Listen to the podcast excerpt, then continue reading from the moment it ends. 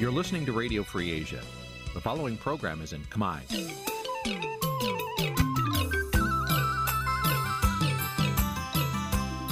Nǐ chi càm bi tiệp xáy vệt chiu a zì sê ray នេះជាកម្មវិធីផ្សាយរបស់ Vithu Azisari ជាភាសាខ្មែរ វត្តឈូអាស៊ីសេរីសូមស្វាគមន៍លោកអ្នកនាងទាំងអស់ពីរដ្ឋធានី Washington នៃសហរដ្ឋអាមេរិក ពីរដ្ឋធានីវ៉ាស៊ីនតោនខ្ញុំបាទសេកបណ្ឌិតសូមជម្រាបសួរអស់លោកអ្នកកញ្ញាទាំងអស់ជាទីមេត្រីយើខ្ញុំសូមជូនកម្មវិធីផ្សាយសម្រាប់ព្រឹកថ្ងៃពុធ13រោចខែមិគសេឆ្នាំខាលចត្វាស័កពុទ្ធសករាជ2566ត្រូវនៅថ្ងៃទី21ខែធ្នូគ្រិស្តសករាជ2022បាទជាដំបូងនេះសូមអញ្ជើញអស់លោកអ្នកនាងស្ដាប់ព័ត៌មានប្រចាំថ្ងៃដែលមានមេត្តាដូចតទៅ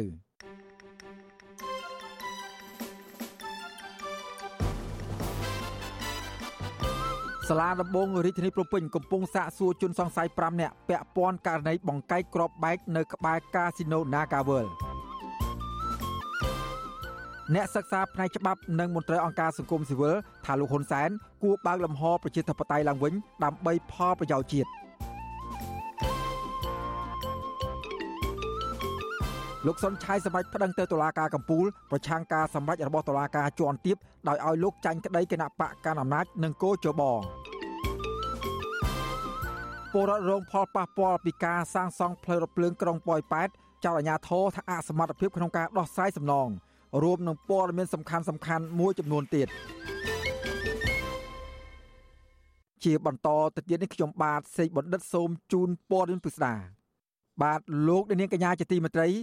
បើទោះបីជាលោកប្រធានាធិបតីសហរដ្ឋអាមេរិកលោកโจ Biden បានស្នើឲ្យលោកនាយករដ្ឋមន្ត្រីហ៊ុនសែនបើកលំហលទ្ធិប្រជាធិបតេយ្យនិងលើកកម្ពស់ការគោរពសិទ្ធិមនុស្សឡើងវិញកាលពីជំនួបទ្វេភាគីក្នុងពេលកិច្ចប្រជុំកំពូលអាស៊ាន កាលពីខែវិច្ឆិកានោះយ៉ាងណាក្តី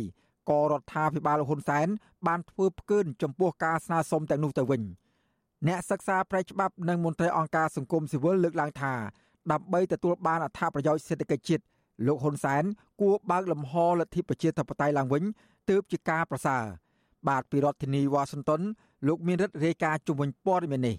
ផ្គឿនទៅនឹងការចង់ឃើញរបស់ប្រធានាធិបតីអាមេរិកលោក Joe Biden និងអគ្គលេខាធិការអង្គការសហប្រជាជាតិលោក Antonio Guterres រដ្ឋាភិបាលលោកហ៊ុនសែននារយៈពេលចុងក្រោយនេះ មិនត្រឹមតែមិនឆ្លើយតបប្រកបដោយវិជ្ជមាននោះទេ តែថែមទាំងគំរាមកំហែងនិងបន្តរដ្ឋបတ်លំហប្រជាធិបតេយ្យនិងសិទ្ធិមនុស្សនៅកម្ពុជាទៀតផងមិនយូរប៉ុន្មានក្រោយការបិទបញ្ចប់ទៅនៃកិច្ចប្រជុំកំពូលអាស៊ាននៅរាជធានីភ្នំពេញរដ្ឋាភិបាលលោកហ៊ុនសែនបានខាត់ខ្លួនប្រធានសហជីពកម្មករ Nagavel កញ្ញាឈឹមស៊ីធនិងបញ្ជូនកញ្ញាទៅឃុំឃាំងនៅពន្ធនាគារព្រៃសរឡើងវិញ កាលពីថ្ងៃទី26ខែវិច្ឆិកា លើពីនេះទៀតសេរីភាពនៃការបញ្ចេញមតិនិងលំហការងាររបស់អង្គការសង្គមស៊ីវិលក៏ត្រូវបានគេមើលឃើញថានៅតែបន្តរដ្ឋបិទក្នុងនោះសមាជិកនៅតែបន្តរារាំងដល់សកម្មជនបរិស្ថានធ្វើការតស៊ូនៅតាមទីសាធារណៈជាដើមអ្នកសិក្សាផ្នែកច្បាប់លោកវ៉ុនចាន់ឡូតយល់ឃើញថាមូលហេតុដែលលោកនាយរដ្ឋមន្ត្រីហ៊ុនសែនមិនព្រមបើកលំហប្រជាធិបតេយ្យយ៉ាងដូចនេះគឺបណ្ដាលមកពីរដ្ឋាភិបាលកម្ពុជា មានប្រទេសចិនជាខ្នងបង្អែក លោកបានថែមថាបើទោះបីជារដ្ឋាភិបាលមិនមានក្តីបារម្ភចំពោះវិបត្តិសេដ្ឋកិច្ចយ៉ាងណាក្តីក៏ការរដ្ឋបတ်លំហប្រជាធិបតេយ្យនិងសិទ្ធិមនុស្សនៅកម្ពុជានឹងបន្តនាំឲ្យនយោបាយនៅកម្ពុជាគ្មានស្ថិរភាពនិងនាំឲ្យកើតមានបញ្ហានៅក្នុងសង្គមកាន់តែច្រើនឡើងលោកវ៉ុនចាន់ឡូតនិយាយថាដើម្បីទទួលបានការអនុគ្រោះពន្ធពីបណ្ដាប្រទេសប្រជាធិបតេយ្យនិងកាត់បន្ថយវិបត្តិនៅក្នុងសង្គម រដ្ឋាភិបាលគួរតែលើកកម្ពស់នីតិរដ្ឋជាជាងបន្តរដ្ឋបិទលំហប្រជាធិបតេយ្យការដែលយើងមិនអាចដោះស្រាយបញ្ហាជូនចំពោះប្រជាពលរដ្ឋហើយយើងនៅតែធ្វើទុកបុកម្នេញបន្ថែមនៅបញ្ហាថ្មីថ្មីបន្ថែមទៀតហ្នឹងពេលណាមួយវាអាចនឹងក្លាយទៅជាវិបត្តិសង្គមហើយក្លាយជាវិបត្តិសង្គមយើងទៅដឹងថាចលនាមហាជនអីអាចនឹងមានការផុសផុលឬក៏ផ្ទុះឡើងហើយហើយដោយករណីនៅ ស្រីលង្កាជាដើមនេះយើងឃើញគឺថាមានចិនជាបង្អែកប៉ុន្តែគ្រាន់តែរយៈពេលឬក៏អាយុនៃរបបណាមួយដែលគ្មាននៅយុទ្ធធរដែលពោពេញដោយអំពើពុករលួយ គឺมันអាចរស់នៅ បានវែងនោះទេបាទជុំវិញរឿងនេះអ្នកនាំពាក្យស្ថានទូតសហរដ្ឋអាមេរិកប្រចាំកម្ពុជា អ្នកនាង Stephanie Azad ប្រាប់វិសុអាស៊ីសេរីតាមសារអេឡិចត្រូនិកថា សហរដ្ឋអាមេរិកនៅតែបដិញ្ញាគ្រប់គ្រងបំណងប្រាថ្នារបស់ពលរដ្ឋកម្ពុជា ដែលចង់ឃើញកម្ពុជាមានឯករាជ្យលទ្ធិប្រជាធិបតេយ្យកាន់តែប្រសើរខណៈមតិពីគ្រប់ភាគីត្រូវបានស្ដាប់និងគោរពអ្នកនាំពាក្យរូនេះបន្ថែមថាសហរដ្ឋអាមេរិកនៅតែជំរុញឲ្យអាញាធរកម្ពុជាពង្រឹងលទ្ធិប្រជាធិបតេយ្យសេរីភូប៉ានៅកម្ពុជា ដែលអនុញ្ញាតឲ្យមានទស្សនៈនយោបាយផ្ទុយពីរដ្ឋាភិបាល ជំរុញឲ្យមានការប្រកួតប្រជែងតាមរយៈការបោះឆ្នោតដោយសេរីនិងយុត្តិធម៌ពិតប្រាកដនិងលើកកម្ពស់ការផ្លាស់ប្តូរគំនិតដោយសេរីនិងបើកចំហអ្នកនាង Stephanie Azad បន្ថែមថាសហរដ្ឋអាមេរិកក៏ចង់ឃើញរដ្ឋាភិបាលកម្ពុជាអនុញ្ញាតឲ្យសមាគមអង្គការសង្គមស៊ីវិលនិងប្រព័ន្ធផ្សព្វផ្សាយអាចធ្វើការបានដោយគ្មានការរឹតបន្តឹង ក្រៅពីការរដ្ឋបិទលំហសេរីភាពរបស់អង្គការសង្គមស៊ីវិលប្រព័ន្ធតឡាការនៅកម្ពុជាក៏នៅតែត្រូវបានរដ្ឋាភិបាលប្រើប្រាស់ដើម្បីធ្វើទុកបុកម្នេញលើសកម្មជនគណបកដែលមាននិន្នាការប្រឆាំងដែររដ្ឋាភិបាលលោកហ៊ុនសែនមិនបានដោះលែងអ្នកទោសនយោបាយឲ្យមានសេរីភាពឡើងវិញឡើយក្នុងនោះរួមទាំងមេធាវីសញ្ជាតិខ្មែរអាមេរិកកាំងកញ្ញាសេងធីរី ដែលប្រធានាធិបតីអាមេរិកលោកโจ Biden បានលើកឡើងចំឈ្មោះនៅក្នុងជំនួបទ្វេភាគីជាមួយលោកហ៊ុនសែនផង ទន្ទឹមគ្នានេះអតីតសមាជិកគណៈបកសង្គ្រោះជាតិជាច្រើនអ្នកដែលបានចូលរួមជីវភាពនយោបាយជាមួយគណៈបកភ្លើងទៀនក៏ត្រូវបានតុលាការក្រុងភ្នំពេញកោះហៅឲ្យចូលបំភ្លឺឡើងវិញក្រោមបទចោទញុះញង់ឬរួមគំនិតក្បត់ជាបន្តបន្ទាប់ដែរ ជុំវិញរឿងនេះអនុប្រធានគណៈបកភ្លើងទៀនលោកសុនឆៃចាត់ទុកថាការដែលតឡាការសម្រេចឲ្យលោកចាញ់ក្តីគណៈបកកណ្ដាលអំណាចនិងគណៈកម្មាធិការជាតិរៀបចំការបោះឆ្នោតហៅកាត់ថាកោចបោហើយតម្រូវឲ្យលោកសងប្រាក់ជំងឺចិត្តរហូតដល់ទៅជិត1លានដុល្លារអាមេរិកកាលពីពេលថ្មីថ្មីនេះគឺជាការគំរាមកំហែងថ្មីមួយទៀតដល់អ្នកនយោបាយដែលមាននិន្នាការផ្ទុយពីរដ្ឋាភិបាល លោកបានថែមថាការដែលបណ្ដាប្រទេសដែលមានភាពចាស់ទុំខាងលទ្ធិប្រជាធិបតេយ្យដាស់តឿនដល់រដ្ឋាភិបាលកម្ពុជាឲ្យលើកកម្ពស់លទ្ធិប្រជាធិបតេយ្យនិងការគោរពសិទ្ធិមនុស្សឡើងវិញមិនមែនជាការជ្រៀតជ្រែកផ្ទៃក្នុងឬធ្វើឲ្យរដ្ឋាភិបាលបាត់បង់ឯករាជ្យនោះឡើយ។ ហើយចំពោះโจ Biden ក៏យើងជារដ្ឋាភិបាលក៏យល់ដែរថាគាត់ជាប្រធានធិបតីអាមេរិកប្រទេសដែលចោះហត្ថលេខីលើកិច្ចព្រមព្រៀងទីក្រុងប៉ារីសដែលធានានៅលទ្ធិប្រជាធិបតេយ្យនៅកម្ពុជានិងការគោរពសិទ្ធិមនុស្សដូច្នេះគាត់មកគាត់ត្រូវតែរំលឹកយើងពីរឿងលទ្ធិប្រជាធិបតេយ្យការបោះឆ្នោតត្រឹមត្រូវនេះគឺជាកាតព្វកិច្ចគឺជាទូនាទីគាត់ដែរមិនមែនគាត់ចេះតែមកលូកដៃលើការងារយើងទេ អ្នកនាំពាក្យគណៈកម្មាធិការសិទ្ធិមនុស្សរបស់រដ្ឋាភិបាលលោកកតាអូនអះអាងថារដ្ឋាភិបាលមិនបានរដ្ឋបិទលំហប្រជាធិបតេយ្យនិងសិទ្ធិមនុស្សដោយតាមការលើកឡើងរបស់ក្រុមអង្គការសង្គមស៊ីវិលនិងអ្នកវិភាគនោះឡើយលោកបន្ថែមថាប្រទេសកម្ពុជា មានអធិបតេយ្យរបស់ខ្លួន និងមិនអាចធ្វើតាមចិត្តរបស់បណ្ដាប្រទេសមួយចំនួនចង់បាននោះទេ កម្ពុជាយើងដើរតាមគន្លងជាតិបតេយ្យត្រឹមត្រូវតាមរដ្ឋធម្មនុញ្ញប៉ុន្តែទៅជាជនរងគ្រោះនៃលទ្ធិជាតិបតេយ្យនិងជាជនរងគ្រោះនៃសិទ្ធិមនុស្សអានឹងគឺជារឿងបដិបត្តិនយោបាយដែលមហាអំណាចដូច្នេះហើយវាមិនអាចមកវិតម្លៃស្ថានភាពជាតិបតេយ្យសិទ្ធិមនុស្សបានទេ អ្នកវិភាគនយោបាយលើកឡើងថាបើទោះបីជាប្រឈមនឹងវិបត្តិសេដ្ឋកិច្ចនិងរងនឹងការរិះគន់ពីបណ្ដាប្រទេសប្រជាធិបតេយ្យយ៉ាងណាក៏ដោយក៏រដ្ឋាភិបាលលោកហ៊ុនសែននៅតែបន្តរដ្ឋបិទលំហលទ្ធិប្រជាធិបតេយ្យដើម្បីងាយស្រួលក្នុងការផ្ទេរអំណាចរបស់លោកហ៊ុនសែនទៅឲ្យកូនប្រុសច្បងរបស់លោកគឺលោកហ៊ុនម៉ាណែត លើពីនេះទៀតកាលពីពេលថ្មីថ្មីនេះលោកហ៊ុនសែនក៏បានស្នើសុំព្រះមហាក្សត្រដំឡើងតួនាទីកូនប្រុសរបស់លោកគឺលោកហ៊ុនម៉ាណិតនិងមនុស្សចំណិតចំណិតរបស់លោកនៅទីស្តីការគណៈរដ្ឋមន្ត្រីចំនួន4នាក់ផ្សេងទៀតឲ្យមានឋានៈស្មើរដ្ឋមន្ត្រីផងលោកហ៊ុនសែនក៏បានបង្ហាញជំហរកាន់តែច្បាស់ពីការមិនអើពើលើកកម្ពស់ការគោរពសិទ្ធិមនុស្សដែរនៅពេលដែលលោកធ្វើដំណើរទៅចូលរួមកិច្ចប្រជុំកំពូលរំលឹកខួបលើកទី45នៃទំនាក់ទំនងរវាងអាស៊ាននិងសហភាពអឺរ៉ុប លោកបានថ្លែងនៅចំពោះមុខក្រុមអ្នកទៅហែហោមនិងក្រុមអ្នកគាំទ្រលោកនៅទីក្រុង Brussels នៃប្រទេស Belgique កាលពីថ្ងៃទី12ខែធ្នូថាលោកនឹងមិនស្នើឲ្យសហភាពអឺរ៉ុបផ្ដល់ប្រព័ន្ធអនុគ្រោះពន្ធណាមួយមកកម្ពុជាវិញ ជាថ្នូវនឹងការដោះដូរអធិបតេយ្យឬឯករាជ្យរបស់កម្ពុជានោះឡើយខ្ញុំមកអឺរ៉ុបនេះខ្ញុំអត់មានហើយខ្ញុំដាក់បំរាមអត់ឲ្យមន្ត្រីរបស់ខ្ញុំសុំអីណាណាត្រឡប់មកវិញភាពអនុគ្រោះណាខ្ញុំបាននិយាយហើយ ថាខ្ញុំមិនអាចយកឯករាជ្យអធិបតេយ្យភាពទៅដោះដូរជាមួយជំនួយឬភាពអនុគ្រោះណាទាំងអស់ហើយចង់ឲ្យឲ្យរស់ស៊ីជាមួយគ្នារស់ស៊ីឥឡូវយើងនាំមកដល់អឺរ៉ុបកើន8ដល់10%ទំហំទឹកលុយជាង4000លាននាំទៅអាមេរិកទៅរស់ស៊ីជាមួយគ្នារស់ស៊ី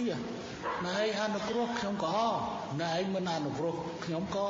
មិនដឹងទៅម៉េចអានឹងទុកសិទ្ធឲ្យណែឯងនិយាយ លោកហ៊ុនសែនថែមទាំងបានគម្រាមចេញពីទឹកដីអឺរ៉ុបថតរូបក្រុមអ្នកធ្វើបាតកម្មប្រឆាំងនឹងលោកទុកយកទៅបិទផ្សាយនៅពលានយន្តហោះអន្តរជាតិពូជន្ទងនិងគម្រាមស្វែងរកសាច់ញាតិក្រុមគ្រួសាររបស់ពួកគេ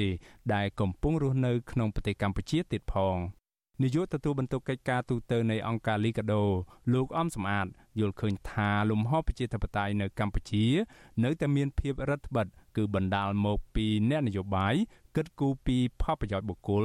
ឬគណៈបកនយោបាយរបស់ខ្លួន ជាជាងគិតគូរពីផលប្រយោជន៍ជាតិជាធំលោកបន្ថែមថាការស្នើឲ្យបើលំហប្រជាធិបតេយ្យពីបណ្ដាប្រទេសនានាកន្លងមកនេះមិនមែនជាការជ្រៀតជ្រែកកិច្ចការផ្ទៃក្នុង ឬធ្វើឲ្យកម្ពុជាបាត់បង់ឯករាជ្យនោះទេ ក៏ប៉ុន្តែក្រមប្រទេសនិយមប្រជាធិបតេយ្យទាំងនោះធ្វើឡើងដើម្បីលើកកម្ពស់ស្មារតីនៃកិច្ចព្រមព្រៀងសន្តិភាពក្រុងប៉ារី23ដុល្លារដែលប្រទេសទាំងនោះគឺជាភាគីហត្ថលេខីតែប៉ុណ្ណោះលោកបានថែមថារដ្ឋាភិបាលកម្ពុជា គួរលើកកម្ពស់លំហប្រជាធិបតេយ្យនិងការគោរពសិទ្ធិមនុស្សឲ្យបានល្អដើម្បីបញ្ជាការបាត់បង់ប្រព័ន្ធអនុគ្រោះពន្ធ GSP របស់សហរដ្ឋអាមេរិកនិងប្រព័ន្ធអនុគ្រោះពន្ធ EBA ទាំងស្រុងពីសហគមន៍អឺរ៉ុប អញ្ចឹងបើសិនជាជាអ្នកនយោបាយតម្កល់ដល់ប្រយោជន៍ជាតិដល់ប្រយោជន៍ប្រជាពលរដ្ឋជាធំអានឹងអាចនឹងទទួលផលចំណេញច្រើនហើយហើយបើសិនជាអ្នកនយោបាយគិតតម្កល់អំពីផលប្រយោជន៍នយោបាយផលប្រយោជន៍បកជាធំ ការកែប្រែនិងការកែលម្អក៏វាអាចនឹងមានការជះឥទ្ធិពលនិងការថ្លៃថ្លែងហើយវាធ្វើឲ្យប៉ះពាល់នៅក្នុងការវិវត្តនៃលទ្ធិជាតិបតេយ្យនិងការគោរពសិទ្ធិមនុស្សក្នុងផងដែរបាទ អង្គការសង្គមស៊ីវិលជាតិនិងអន្តរជាតិរកឃើញថាលំហលទ្ធិប្រជាធិបតេយ្យនិងការគោរពសិទ្ធិមនុស្សនៅកម្ពុជា កាន់តែរដ្ឋបិទពីមួយឆ្នាំទៅមួយឆ្នាំ ចាប់តាំងពីរដ្ឋាភិបាលដឹកនាំដោយគណៈបកប្រជាជនកម្ពុជា រំលាយគណៈបកសង្គ្រោះជាតិកាលពីឆ្នាំ2017កន្លងទៅ ក្រុមអ្នកវិភាគនយោបាយប្រមានថាប្រសិនបើលោកហ៊ុនសែននៅតែមិនបើកលំហប្រជាធិបតេយ្យនិងមិនគោរពសិទ្ធិមនុស្សនៅមុនការបោះឆ្នោតក្នុងឆ្នាំ2023ខាងមុខនោះទេនោះប្រជាពលរដ្ឋកម្ពុជាក៏នឹងកាន់តែប្រឈមនៅបញ្ហាជីវភាពដោយសារតែការដាក់ទណ្ឌកម្មសេដ្ឋកិច្ចបន្ថែមពីបណ្ដាប្រទេសប្រជាធិបតេយ្យហើយរដ្ឋាភិបាលកម្ពុជាក៏នឹងកាន់តែបាក់មុខមាត់នៅលើឆាកអន្តរជាតិថែមទៀតខ្ញុំបាទមេរិត Visual C ស្រី រាយការណ៍ពីរដ្ឋធានី Washington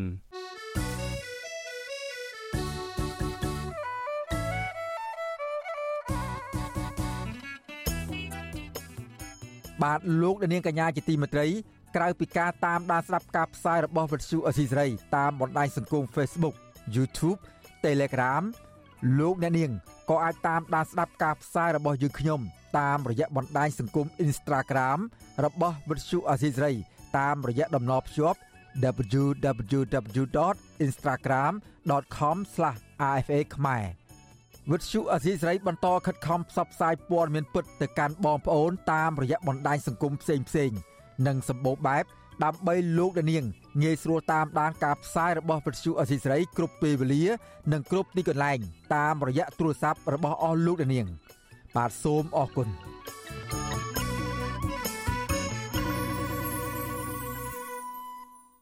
បាទលោកនាងកញ្ញាជាទីមេត្រីពាក់ព័ន្ធនឹងការសាងសង់ផ្លូវរថភ្លើងនៅឯក្រុងប៉ោយប៉ែតខេត្តបន្ទាយមានជ័យអនុវិញប្រជាពលរដ្ឋដែលរងផលប៉ះពាល់ពីការសាងសង់ផ្លូវរថភ្លើងនៅសង្កាត់ផ្សារកណ្ដាលក្រុងប៉ោយប៉ែតខេត្តបន្ទាយមានជ័យចោទប្រកាសអាញាធរខេត្តនេះថាអសមត្ថភាពក្នុងការដោះស្រាយសំណងជូនដល់ពលរដ្ឋរងផលប៉ះពាល់ហើយព្យាយាមគំរាមកំហែងមិនឲ្យពលរដ្ឋតវ៉ាថែមទៀតមន្ត្រីសង្គមស៊ីវិលយល់ថាស្ថាប័នពាក់ព័ន្ធជាពិសេសក្រសួងមហាផ្ទៃ គួរបង្កើតក្រុមការងារចុះអធិការកិច្ចដើម្បីឲ្យពលរដ្ឋរងផលប៉ះពាល់ពិតប្រាកដទទួលបានសំណងសមរម្យនិងជៀសវាងស្ដាប់តែរបាយការណ៍តែពីជនខិលខូចមួយចំនួននៅមូលដ្ឋាន បាទពីរដ្ឋធានី Washington អ្នកស្រីម៉ៅសុធីនីរាយការណ៍ជុំវិញព័ត៌មាននេះប្រជាពលរដ្ឋដែលរងផលប៉ះពាល់ពីការធ្វើផ្លូវរថភ្លើងនៅក្រុងប៉ោយប៉ែតលើកឡើងថាអាញាធរខេត្តបន្ទាយមានជ័យមិនព្រមដោះស្រាយប្រកបប្រាក់គោលនយោបាយពីម្ចាស់គម្រោងសាងសង់ផ្លូវរថភ្លើង ដែលឧបត្ថម្ភដោយធនាគារអភិវឌ្ឍអាស៊ី ADB ដែលបានប្រកួតដល់បរដ្ឋជាង1000ដុល្លារក្នុងមួយផ្ទះ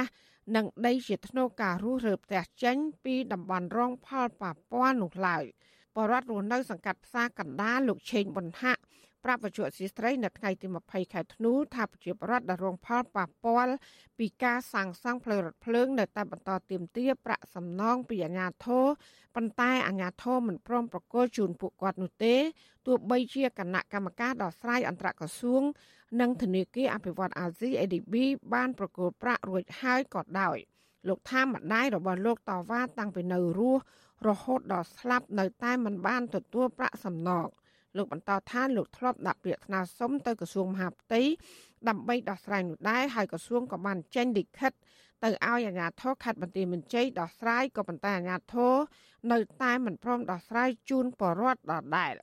លោកបន្ថែមថាអាជ្ញាធរថាគម្រោងនេះត្រូវបានបិទបញ្ចប់ហើយនិងជំរុញឲ្យពលរដ្ឋដាក់ពាក្យស្នើសុំប្រាក់សំណង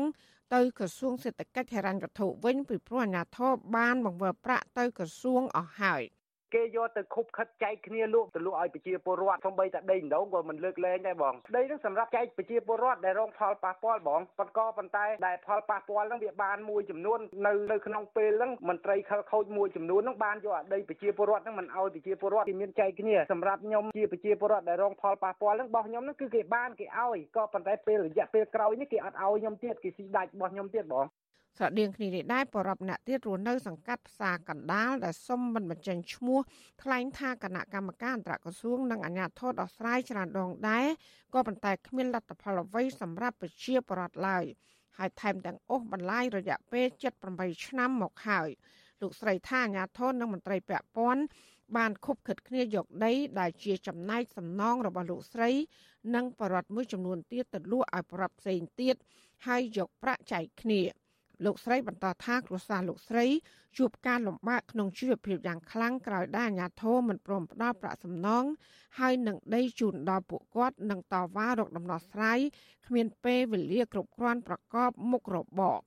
ប្រហែលលើកប្រហែលសារហើយមិនដែលបានទទួលផលអីគេដោះស្រាយឲ្យហ្នឹងទេណាដោះស្រាយអីដូចជាដោះស្រាយខ្យល់អញ្ចឹងបង វាទទួលការគម្រាមរបស់គេហ្នឹងវាច្រើនលើកច្រើនសារហើយណាហើយណាមួយយើងអត់អញ្ចឹងបើសិនជាថាគេយកយើងទៅដាក់គុកដាក់ច្បាក់អីហ្នឹងទៅវាកាន់តែពិបាកទៀតអញ្ចឹងណាបងព្រោះតាំងពីខាងចវាយក្រុងហ្នឹងគេគម្រាមម្ដងជាពីរដងមកអញ្ចឹងគេថាបើអ្នកណាបំផុសបំផលឬមួយក៏នាំវាទៅធ្វើអ្វីកាន់បដាកាន់អីទៅមុខសាលាក្រុងគេនឹងចាប់គេថាបើសិនជាយើងងើបគេនឹងចាប់យើងយកទៅដាក់គុកចាំដោះស្រាយដោះស្រាយអីដោះស្រាយវាអត់ឃើញហើយចំណែកឈ្មោះដីខ្ញុំហ្នឹងក៏គេយកទៅលក់ចែកគ្នាស៊ីអស់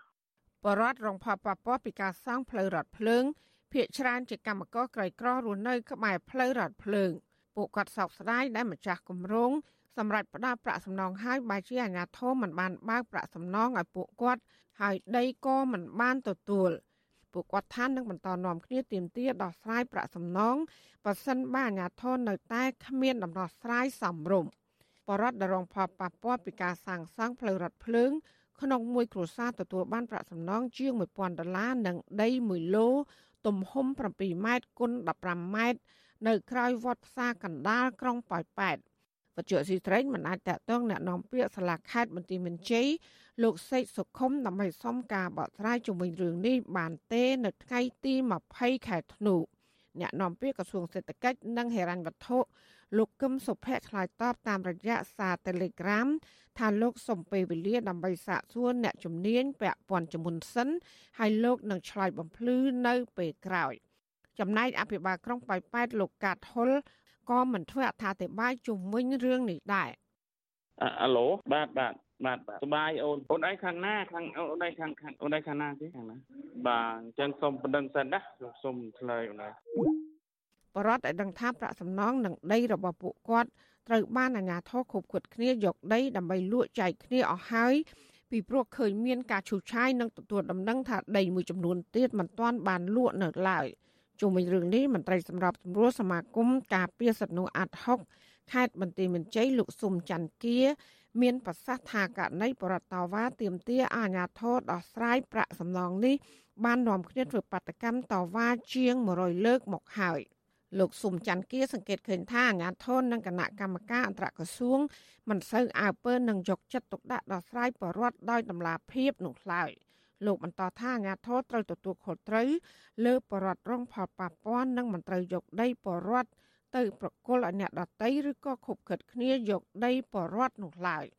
នេះជាចំណុចដែលយើងដាក់ការសង្ស័យដែលត្រូវពិនិត្យមើលថាគួរឲ្យខាងក្រសួងមហាផ្ទៃបង្កើតអត្តការកិច្ចចុះពិនិត្យថាតើអ្នកនោះមានបានប្រព្រឹត្តអំពើពុករលួយអីទេហើយចុះមកសាកសួរគាត់ឲ្យផ្ទាល់មកនិងចង្អុលបង្ហាញថាដីគាត់នៅកន្លែងណាប្រឡោះណាហើយចែកហ្នឹងបន្ទាប់មកហេតុអីបានមិនចែកគេទោះបីជាគេប្តឹងតវ៉ាក៏ដោយគេអីក៏ដោយក៏ត្រូវតែរក្សាទុកទាំងដីទាំងលុយជូនគេគេដែរមិនមែនមកបិទគម្រោងហើយគេនៅប្តឹងតវ៉ាហើយមិនមានការដោះស្រាយជូនគេបែរទៅជាយើងបិទទៅស្ងាត់ស្ងាត់ទៅគ្មានការជូនដំណឹងគ្មានការជូនអីហើយនាំគ្នាដកលើកចង្អេរលើកថាសនឹងដើរប្រុចទេបាទប្រជាប្រដ្ឋរងផលប៉ះពាល់ពីការសាងសង់ផ្លូវរថភ្លើងនៅក្រុងប៉ោយប៉ែតប្រមាណ50គ្រួសារធ្លាប់តវ៉ាឲ្យអាជ្ញាធរក្រុងនិងមន្ត្រីពាក់ព័ន្ធដោះស្រាយជាបន្តបន្ទាប់ជាង100លើកមកហើយក៏ប៉ុន្តែគ្មានដំណោះស្រាយ ក្នុងនោះគឺមានអ្នកតំណាងតវ៉ាមួយចំនួនត្រូវបានសមត្ថកិច្ចចាប់ខ្លួនដោយចោទប្រកាន់ថាពួកគាត់តវ៉ាអូសរូបទីមងបង្កភាពអនាធិបតេយ្យក្នុងសង្គមពួកគាត់ទៅធ្លាប់ដាក់ញត្តិទទូចឲ្យអភិបាលក្រុងថ្មីដោះស្រាយសំណងជូនពួកគាត់ដែរក៏ប៉ុន្តែនៅតែគ្មានដំណោះស្រាយ បរដ្ឋនិងមន្ត្រីសង្គមស៊ីវិលទទូចដល់រដ្ឋាភិបាលនិងស្ថាប័នពាក់ព័ន្ធ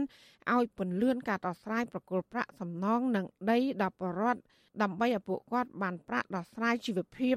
និងបានដីសង់លំនៅឋានថ្មីស្នាក់អាស្រ័យចាននាងខ្ញុំម៉ៅសុធានីវັດឈូអេស៊ីស្រីប្រធានាធិបតី Washington បាទលោកនាងកញ្ញាជាទីមេត្រីតំបន់ប្រវត្តិសាស្ត្រភូមិមូលជើងឯកឬហៅថាស្ថានីយ៍បន្ទាយគូ ដែលជាអត្តសញ្ញាណប្រវត្តិសាស្ត្រដ៏មានតម្លៃស្ថិតនៅក្នុងរាជធានីភ្នំពេញត្រូវក្រុមហ៊ុនជីបម៉ុងរបស់អង្គការជំទាវភាពហៀកបានរំលោភយកទាំងស្រុងដើម្បីអភិវឌ្ឍសាងសង់អគារគ្រប់គ្រងជាទ្រព្យសម្បត្តិបុគ្គល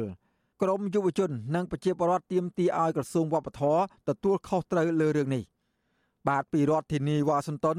លោកសនចាន់រដ្ឋារាយការណ៍ជុំវិញរឿងនេះដំបងបរានភូមិមូលជើងឯកដែលមានផ្ទៃដីសរុបជាង10ហិកតា នៅក្នុងភូមិស្រុកជែកសង្កាត់ជើងឯកខណ្ឌនង្គោដែលជាតំបន់បុរាណប្រវត្តិសាស្ត្រខ្មែរដ៏មានតម្លៃកំពុងប្រឈមការបាត់បង់ទាំងស្រុងក្រមយុវជននិងបរិវត្តដែលបានចោទដល់ទីតាំងបុរាណនេះប្រទះឃើញកម្មករក្រុមហ៊ុនជីម៉ុងបន្តសាងសង់ផ្ទះល្វែងនិងសំណង់រឹងច្រើនប្រភេទផ្សេងទៀតរួមលបយកទីតាំងបុរាណទៅនេះទាំងមូលជាបន្តបន្ទាប់ជាង3ឆ្នាំមកហើយបុរាណនៅក្នុងភូមិស្រុកជែកសង្កាត់ជើងឯកលោកវ៉ាន់ឌីប្រាវិទ្យាអេស៊ីសរ៉ៃថ្ងៃទី20ខែធ្នូថាក្រុមហ៊ុនបានធ្វើរបងព័ទ្ធជំវិញតំបន់នោះ ដាក់ពង្រាយសន្តិសុខយាមកាមយ៉ាងប្រុងប្រយ័ត្នមិនឲ្យមនុស្សផ្លាច់មុខចិញ្ចូលសំបីតែអ្នកភូមិលោកបន្ថែមថាកន្លងទៅអ្នកភូមិតែនៅខ្វៀលគោក្របីតំបន់នោះប៉ុន្តែក្រោយពីក្រុមហ៊ុនជាម៉ងរួមលុបយកដីបេតិកភណ្ឌនេះដើម្បីសាងសង់ផ្ទះល្វែងអ្នកភូមិបានត្រឹមតែឈរមើលមិនហ៊ានងើបតវ៉ាការពារមរតកដូនតាទៅនេះទេលោករំលឹកថាកន្លងទៅកម្មករក្រុមហ៊ុន បង្ហើបថាការជីគ្រឹះធ្វើសំណង់ធ្លាប់ប៉ះចំវត្ថុបុរាណមួយចំនួនដូចជាពាងនិងក្រឡជាដើមប៉ុន្តែគេបិទព័ត៌មានមិនឲ្យផ្សព្វផ្សាយជាងក្រៅ វាស្ដាយប្រជាជនធ្វើការធ្វើធម្មតាតែតាមខាងក្រសួងគាត់ចុះមកជ្រាវជ្រាវទៅហ្នឹងទៅគេថាភូមិមូលគេមើលផែនទីអាពីបុរាណមកហ្នឹងណាគាត់អភិវឌ្ឍហើយយើងធ្វើមិនកើតបើគាត់ត្រូវតែអភិវឌ្ឍហើយលោកវ៉ាន់ឌីបន្ថែមថាតំបន់បុរាណប្រវត្តិសាស្ត្រមួយនេះគួរតែអភិរក្សបានល្អទុកឲ្យកូនចៅចំនួនក្រោយសិក្សាស្វែងយល់ពីទីតាំងប្រវត្តិសាស្ត្រតាក់ទាញភ្ញៀវទេសចរមិនគួររំលោភយកសម្បត្តិវប្បធម៌ជាតិទៅនេះទេ លោកបន្ថែមថាប្រមមិនសบายចិត្តចំពោះការកេងប្រវ័ញ្ចសម្បត្តិបេតិកភណ្ឌជាតិនេះទេវិទ្យុអេស៊ីសរ៉ៃមិនតន់តែតងសុំការបំភ្លឺរឿងនេះពីស្ថាបនិកក្រុមហ៊ុនជីបម៉ុងអ្នកស្រីភៀបហៀកបានឡើយទេវិទ្យុអេស៊ីសរ៉ៃបានព្យាយាមតាក់ទងតំណាងក្រុមហ៊ុនជីបម៉ុងតាមរយៈលេខទូរស័ព្ទក្នុងគេហទំព័ររបស់ក្រុមហ៊ុននេះប៉ុន្តែអ្នកលើទូរស័ព្ទនិយាយថាក៏មិនដឹងរឿងរ៉ាវទៅនេះទេខ្ញុំមិនដឹងហងបងអរគុណច្រើនណាបងនេះលាប្រធានអង្គភិបអ្នកនាំពាក្យរដ្ឋាភិបាលលោកផៃសិផាន មានប្រសាសន៍ថាតំបន់បុរាណប្រវត្តិសាស្ត្រក្រោមការគ្រប់គ្រងរបស់ក្រសួងវប្បធម៌ដែលជាស្ថាប័នស្នូលត្រូវការពីអភិរក្សបានល្អលោកជំរុញឲ្យវិទ្យុអេស៊ីសេរីសួរទៅក្រសួងវប្បធម៌អំពីរឿងនេះការគ្រប់គ្រងរបស់ក្រសួងវប្បធម៌អានឹងគឺក្រសួងវប្បធម៌ត្រូវទៅការពារហ្នឹងគាត់ទៅពន្យល់ថាតើមានការធ្វើរដ្ឋកម្មពីកៅដែលលុបកន្លែងនឹងចោលហើយកែឲ្យមកទៅជាឯកជនប្រើប្រាស់វិញណាចំណែកនៅនាំពាក្យក្រសួងវប្បធម៌ លោកលងប៊ុនសេរីវត្តបដិសេធបំភ្លឺរឿងនេះដែលលោកបញ្ជាក់យ៉ាងខ្លីថានឹងរកអ្នកជំនាញបកស្រាយចំនួនលោកវិញរឿងពាក់ព័ន្ធដល់បេតិកភណ្ឌនេះបណ្ដាញដាក់ចំនួនណាបងឲ្យទៅជំនាញឆ្លងរបាយការណ៍ស្រាវជ្រាវរបស់ក្រមបរានវិទូបង្ហាញថាស្ថានីយ៍បន្ទាយគោឬក៏ភូមិមូលជើងឯកនៅក្នុងភូមិស្រុកជែកសង្កាត់ជើងឯកខណ្ឌកោរាជធានីភ្នំពេញគឺជាកន្លែងរស់នៅរបស់សហគមន៍ខ្មែរនាយកលោហៈឬក៏ស្ថានីយ៍បរិយាប្រវត្តិសាស្ត្រប្រធានកម្មវិធីស្រាវជ្រាវតស៊ូមតិ នៃសមាគមបណ្ដាញយុវជនកម្ពុជាលោកហេងកំហុងចាត់ទុកការម្ដាយម្ដោយឲ្យក្រុមអ្នកមានអំណាចនិងក្រុមហ៊ុនឯកជនអភិវឌ្ឍនៅតំបន់អត្តសញ្ញាណវប្បធម៌ដ៏មានសារៈសំខាន់របស់ជាតិគឺជាការទទួលខុសត្រូវរបស់ក្រសួងវប្បធម៌និងស្ថាប័នពាក់ព័ន្ធលោកសោកស្ដាយតំបន់បុរាណដែលអ្នកស្រាវជ្រាវខំរកឃើញវត្ថុបុរាណជាច្រើនឆ្លុះបញ្ចាំងពីគ្រឹះនៃអរិយធម៌ខ្មែរនិងជីវភាពរស់នៅរបស់ប្រជាខ្មែរសម័យបុរាណ។ក្រមអ្នកអភិវឌ្ឍ ទៅបានអាជ្ញាធរពេជ្រវេះហើយយកអត្តសញ្ញាណជាតិយកប្រវត្តិសាស្ត្រជាតិទៅជន់ឈ្លីទៅទៅអភិវឌ្ឍដោយមិនមានការគិតអំពីទូនីតិនៃប្រវត្តិសាស្ត្រនិងវិសាលភាពភូមិមូលដែលជាវត្ថុមួយដ៏សំខាន់សម្រាប់មនុស្សចំនួនក្រោយក្នុងការសិក្សាស្រាវជ្រាវខ្ញុំយល់ថានេះមិនខុសអីពីការបំបត្តិប្រវត្តិសាស្ត្រជាច្រើនពាន់ឆ្នាំមកហើយដើម្បីតែប្រយោជន៍របស់ក្រុមអ្នកអភិវឌ្ឍមួយក្តាប់តូចមន្ត្រីសង្គមសវរនេះបន្ថែមថាកន្លងទៅក្រុមអ្នកបរាមជារកឃើញស្ថានីយបុរាណមានភាសាបុរាណ និងវត្ថុបុរាណជាច្រើនបង្កប់បានកម្បាំងប្រវត្តិសាស្ត្រដ៏មានតម្លៃតាក់ទាញភ្ញៀវទេសចរគួរតែអភិរក្សនិងថែទាំឲ្យបានល្អលក្ខណៈទូទៅនៃស្ថានីយមន្ទីរគូឬភូមិមូលនេះជាទីទួលខ្ពស់មានផ្ទៃរាបស្មើរាងមូលមានទំហំរង្វង់ចន្លោះពី200ទៅ300ម៉ែត្រទិន្នន័យបុរាណវិទូនៃក្រសួងវប្បធម៌ឲ្យដឹងថាស្ថានីយ៍មួយៗអាចមានអាយុកាលជាង4000ឆ្នាំហើយត្រូវបានគេប្រសិទ្ធនាមថាជាអរិយធម៌មេមត់បន្ថែមពីនេះ ភូមិមូលកាយពីដើមឡើយជនជាតិខ្មែរសាងសង់ឡើងដើម្បីការពារភូមិដោយជាដីព័ទ្ធជំវិញមានរបងធំខ្ពស់ពោះហើយមានផ្ទះខ្ពស់ពោះដើម្បីការពារសត្វសាហាវហើយដើម្បីងាយស្រួលមើលខ្មាំងសត្រូវខ្ញុំសនចាររថាវិទ្យុអេស៊ីសេរីរាយការណ៍ពីរដ្ឋធានីវ៉ាស៊ីនតោនបាទលោកអ្នកនាងកញ្ញាជាទីមេត្រីពាក់ព័ន្ធនឹងស្ថានភាពតវ៉ារបស់ក្រុមកោតក្រ Naga World ឯនោះវិញសាលាដំបងរាជធានីភ្នំពេញកំពុងសាកសួរជនសង្ស័យ5នាក់ ពាក់ព័ន្ធនឹងករណីបង្កាយគ្រាប់បែកដៃនៅក្បែរកាស៊ីណូ Naga World កាលពីសប្តាហ៍មុនអ្នកនាំពាក្យសាលាដំបងរាជធានីភ្នំពេញលោកប្លង់សផល បានឲ្យវិទ្យុ VOD ដឹងកាលពីថ្ងៃទី20ធ្នូម្សិលមិញថាតំណាងអាយកាកំពុងសួរដេញដោលលើជនសង្ស័យជនជាតិចិន4នាក់និងម្នាក់ទៀតជាជនជាតិខ្មែរលោកប្លង់សផលមិនទាន់អាចបញ្ជាក់លម្អិតអំពីដំណើររឿងសាកសួរជនសង្ស័យនេះបានឡើយដោយលោកហាងថា សំណុំរឿងនេះកំពុងស្ថិតនៅក្នុងការស៊ើបអង្កេតរបស់តុលាការដើម្បីរកអ្នកពាក់ព័ន្ធផ្សេងទៀតអ្នកនាំពាក្យស្នងការនគរបាលរាជធានីភ្នំពេញលោកសានសុកសិហាឲ្យដឹងកាលពីថ្ងៃទី16ធ្នូថានគរបាលខណ្ឌចំការមនសហការជាមួយនឹងនាយកដ្ឋានព្រំប្រទាននៃក្រសួងមហាផ្ទៃបានឃាត់ខ្លួនជនសង្ស័យ5នាក់នៅបូរីពេងហួតបឹងស្នោសង្កាត់និរោធខណ្ឌច្បារអំពើរាជធានីភ្នំពេញកាលពីព្រឹកព្រលឹមថ្ងៃទី15ខែធ្នូឆ្នាំ2022 បុគ្គលិកក្រុមហ៊ុនសិនទ្រីបានប្រទះឃើញគ្រាប់បែកដែលប្រឡាក់ដោយនំខេកនៅក្នុងថង់ពណ៌សមួយនៅខាងមុខក្រុមហ៊ុន Nagawal 2សង្កាត់ទលេបាសាក់ខណ្ឌចំការមនរាជធានីភ្នំពេញក្រុមកោតកោ Nagawal ព្រួយបារម្ភអំពីការដាក់បង្កាយគ្រាប់បែកដៃនេះពួកគេបានលើកឡើងថាការបង្កាយគ្រាប់បែកនៅក្បែរទីកន្លែងដែលពួកគេកំពុងធ្វើកោតកម្មនោះគឺជាការគំរាមកំហែង ក្រុមកោតកោ Nagawal និងមេដឹកនាំសហជីពទាមទារឲ្យតុលាការនិងរដ្ឋាភិបាលស៊ើបអង្កេតលើករណីនេះឲ្យបានច្បាស់លាស់នៅស្របពេលដែលស្ថាប័នពាក់ព័ន្ធឬរដ្ឋាភិបាលមិនទាន់ដោះស្រាយចំនួននៅក្រុមហ៊ុន Naga World ដែលឡើយនោះ។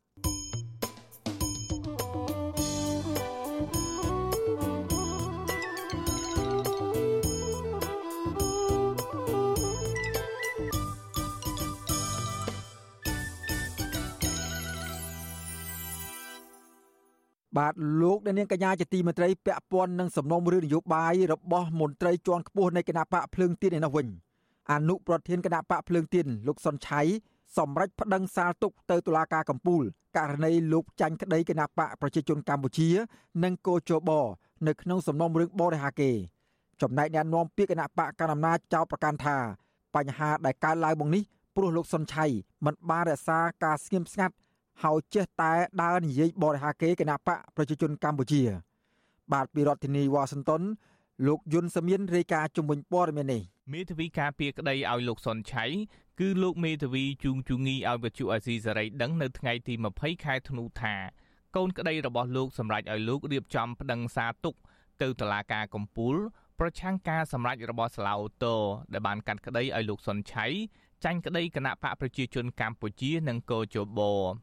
លោកមេធាវីជួងជងីឲ្យដឹងទៀតថាមកទល់ពេលនេះលោកមិនទាន់បានដាក់ពាក្យបណ្ដឹងទៅតុលាការកំពូល ជាផ្លូវការនៅឡើយទេព្រោះលោកមានធរៈចាំបាច់មួយចំនួនប៉ុន្តែលោកថាលោកនឹងដាក់បណ្ដឹងសារទុកនោះឲ្យស្របតាមនីតិវិធីរបស់តុលាការដែលមានរយៈពេល1ខែ ចាប់ពីពេលដែលសាឡាវតោប្រកាសសាលដីកាលើសំណុំរឿងនេះ សម្រាប់តាប់ដឹងសារទុកអត់តន់ជាក់លាក់ដែរពីព្រោះថាកិច្ចការអញ្ចឹងពីព្រោះខ្ញុំវារវល់ឬកិច្ចការផ្សេងៗច្រើនហើយនៅពេលដែលលេទេបានមួយថ្ងៃពីរថ្ងៃដាក់ផ្លប់ភ្លាមហ្មងអញ្ចឹងណាលោកមេធាវីមិនទាន់បង្ហាញក្តីរំពឹងបែបណាលើការសម្រេចរបស់តុលាការកំពូលនោះទេសាលាឧទ្ធរភ្នំពេញកាលពីថ្ងៃទី14ខែធ្នូបានរក្សាការសម្រេចរបស់តុលាការក្រុងភ្នំពេញ ទុកជាបានការតឡាការជាន់ខ្ពស់មួយនេះនៅតែរក្សាឲ្យគណៈបកប្រជាជនកម្ពុជានិងកោជបបន្តឈ្នះក្តីលោកសុនឆៃដដែលស្លាវតក៏បានសម្រេចឲ្យលោកសុនឆៃបន្ថែមប្រាក់សំណងជំងឺចិត្តទៅគណៈបកកណ្ដាលអំណាចប្រមាណ30ម៉ឺនដុល្លារបន្ថែមទៀតលើប្រាក់ជំងឺចិត្តប្រមាណ75ម៉ឺនដុល្លារដែលតុលាការក្រុងភ្នំពេញសម្រេចឲ្យលោកសុនឆៃបង់ជូនគណៈបកប្រជាជនកម្ពុជា គណៈបកប្រជាជនកម្ពុជានិងកោជបបានប្តឹងលោកសុនឆៃពីបទបរាហាគេកាលពីខែមិថុនាក្រោយពេលលោក បានរិះគន់ថាការបោះឆ្នោតឃុំសង្កាត់អាណត្តិទី5កន្លងទៅមិនបានឆ្លោះបញ្ចាំងពីឆន្ទៈប្រជាពលរដ្ឋដោយមានការបំផិតបំភ័យនិងលួចបន្លំសัญลักษณ์ឆ្នោតជាដើមតាក់ទងទៅនឹងរឿងនេះអ្នកនាំពាក្យគណៈបកប្រជាជនកម្ពុជាលោកសុកអេសានស្នើសុំទៅលោកសុនឆៃគួរយល់ព្រមទទួលយកការសម្រេចក្តីរបស់តុលាការកំពូល លោកបន្តថាគណៈបកកណ្ដាលអំណាចមិនចរចានឹងគណៈបកភ្លើងទៀនដើម្បីបញ្ចប់សំណុំរឿងនេះនោះទេបើសុនឆៃគាត់ពឹងផ្អែកទៅលើតឡាការកពូលទេ នៅពេលដែលតឡាការកពូលសម្រេចយ៉ាងម៉េចគឺសូមឲ្យសុនឆៃគោរពតាមការសម្រេចរបស់តឡាការកពូលទៅកុំឡំប៉ាតទៅទៀតអត់មានពាក់ព័ន្ធនយោបាយទេបើសុនឆៃកុំជីគេទៅវាអត់មានបញ្ហាអីទេកុំនិយាយបរិហាគេទេ ពាក់ព័ន្ធទៅនឹងរឿងនេះដែរអ្នកនាំពាក្យសមាគមការពារសិទ្ធិមនុស្សអាត់ហុកលោកសង្សានករណាស្នើទៅតុលាការកំពូល គួរសម្រេចក្តីដោយឈលលើអង្គហេតុអង្គច្បាប់និងភ័ស្តុតាងលោកយល់ថាបើតុលាការមានសុភវិនិច្ឆ័យតុលាការអាចនឹងផ្ដល់យុត្តិធម៌ដល់លោកសុនឆៃព្រោះលោកសង្កេតឃើញថាអ្វីដែលលោកសុនឆៃលើកឡើង ជាសេរីភាពនៃការបញ្ចេញមតិ សកម្មជនសង្គមអីជាដើមហ្នឹងអញ្ចឹងកាលណាបើមានការផ្ដល់យុតិធម៌បែបនេះវាមានផលចំណេញទៅដល់រដ្ឋាភិបាល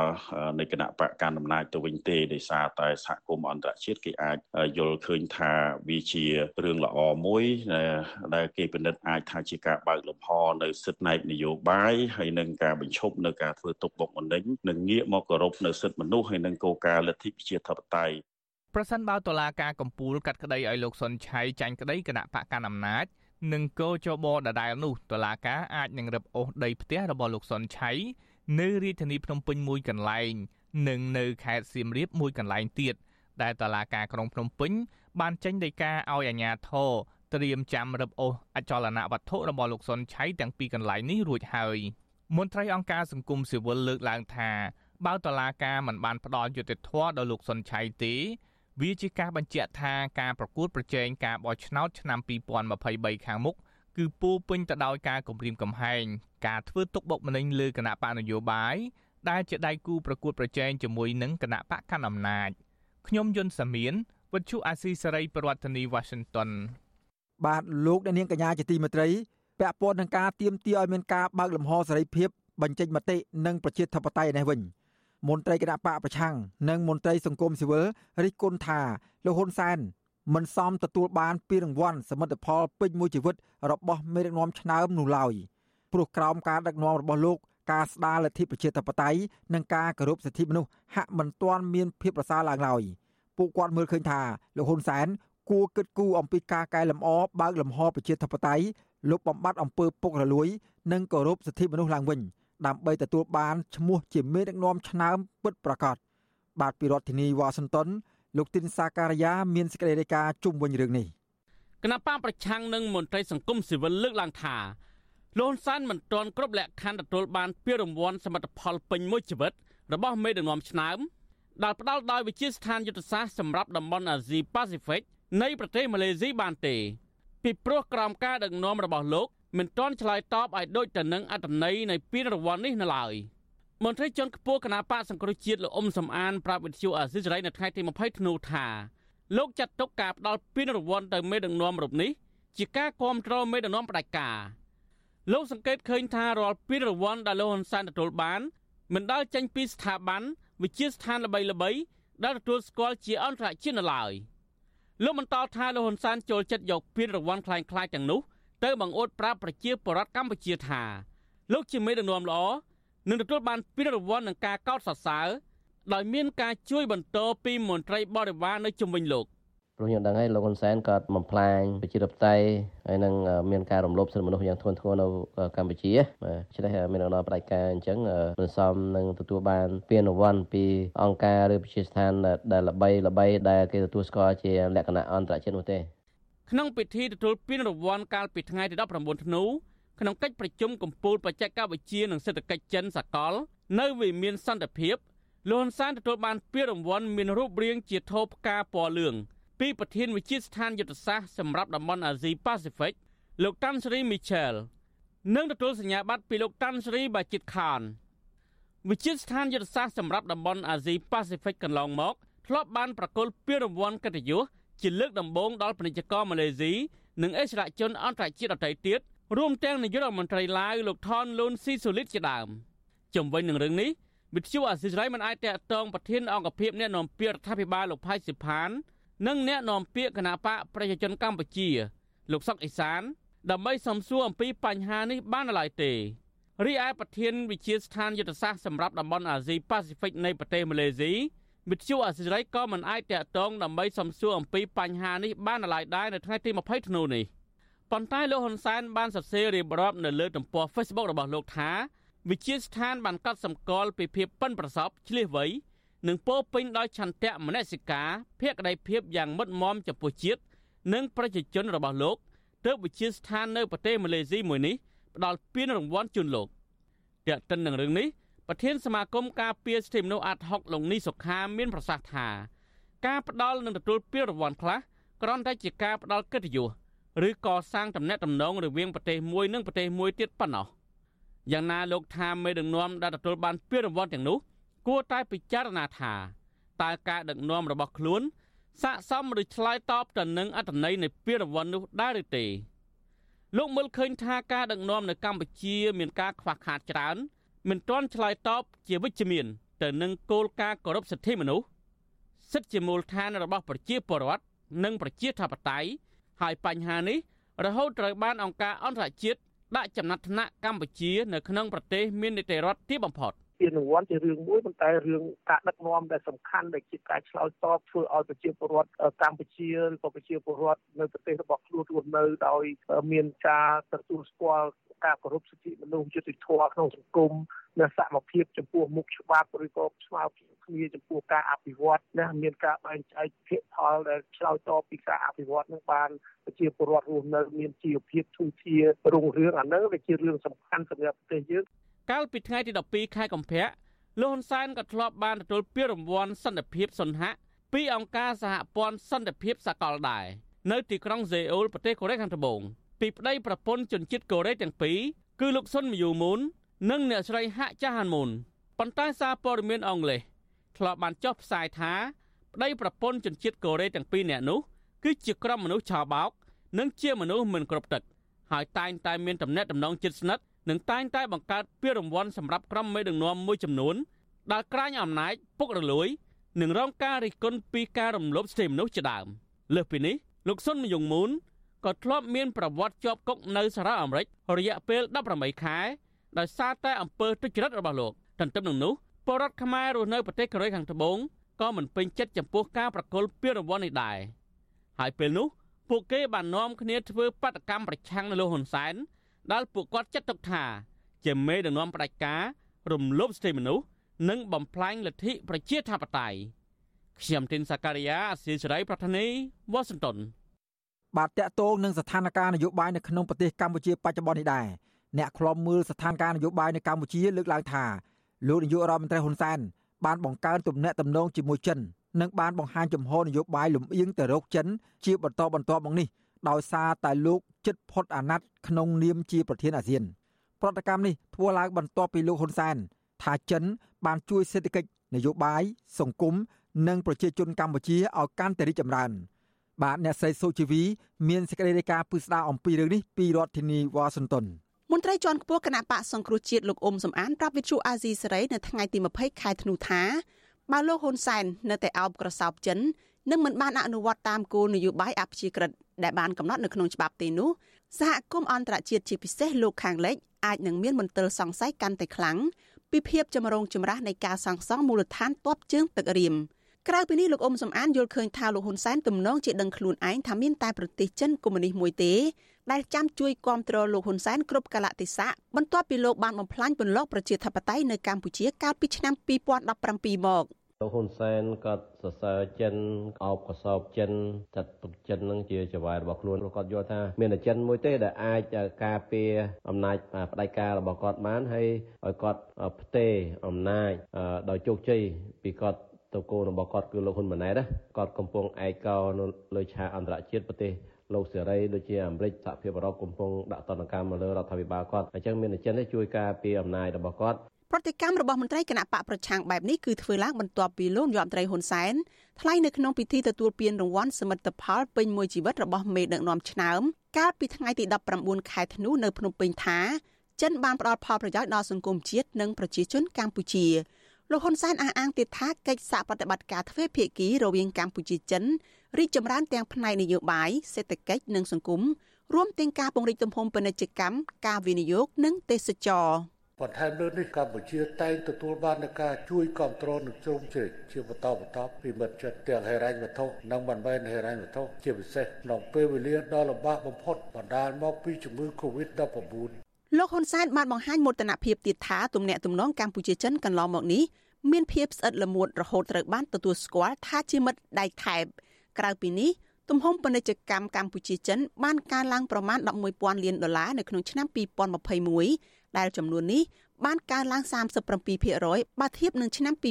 2020លោកហ៊ុនសែនអះអាងទៀតថាជំនួយចិននារយៈពេលចុងក្រោយនេះគឺមានតម្លៃធំធេងក្នុងការជួយការពារអាយុជីវិតពលរដ្ឋកម្ពុជា ក្នុងការផ្តល់ជំនួយជាវ៉ាក់សាំងនិងចូលរួមប្រយុទ្ធប្រឆាំងការរាលដាលជំងឺ Covid-19 នៅកម្ពុជាចំណែកអ្នកវិភាគនយោបាយលោកកឹមសុខយល់ឃើញថា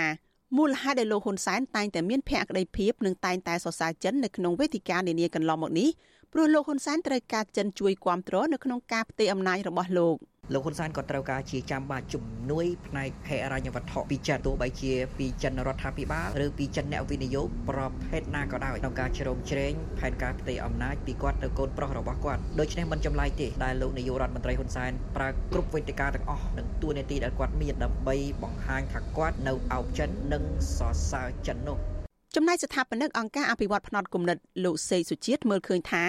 ទំនាក់ទំនងកម្ពុជាចិននៅក្នុងរបបនៃមេដឹកនាំទាំងពីរពលរដ្ឋហាក់ពុំមានការសាទរច្រើនទេព្រោះលោកថា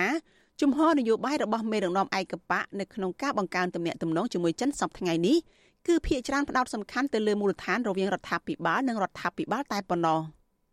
តាមរយៈទំនាក់ទំនងនៃមេដឹកនាំកម្ពុជាកម្ពុជានៃប្រទេសទាំងពីរហ្នឹងមានទំនាក់ទំនងរហូតដល់ប្រែคล้ายទំនាក់ទំនងឲ្យទៅជាមិត្តដែលថែបនេះគឺជាការបង្ហាញមួយដើម្បី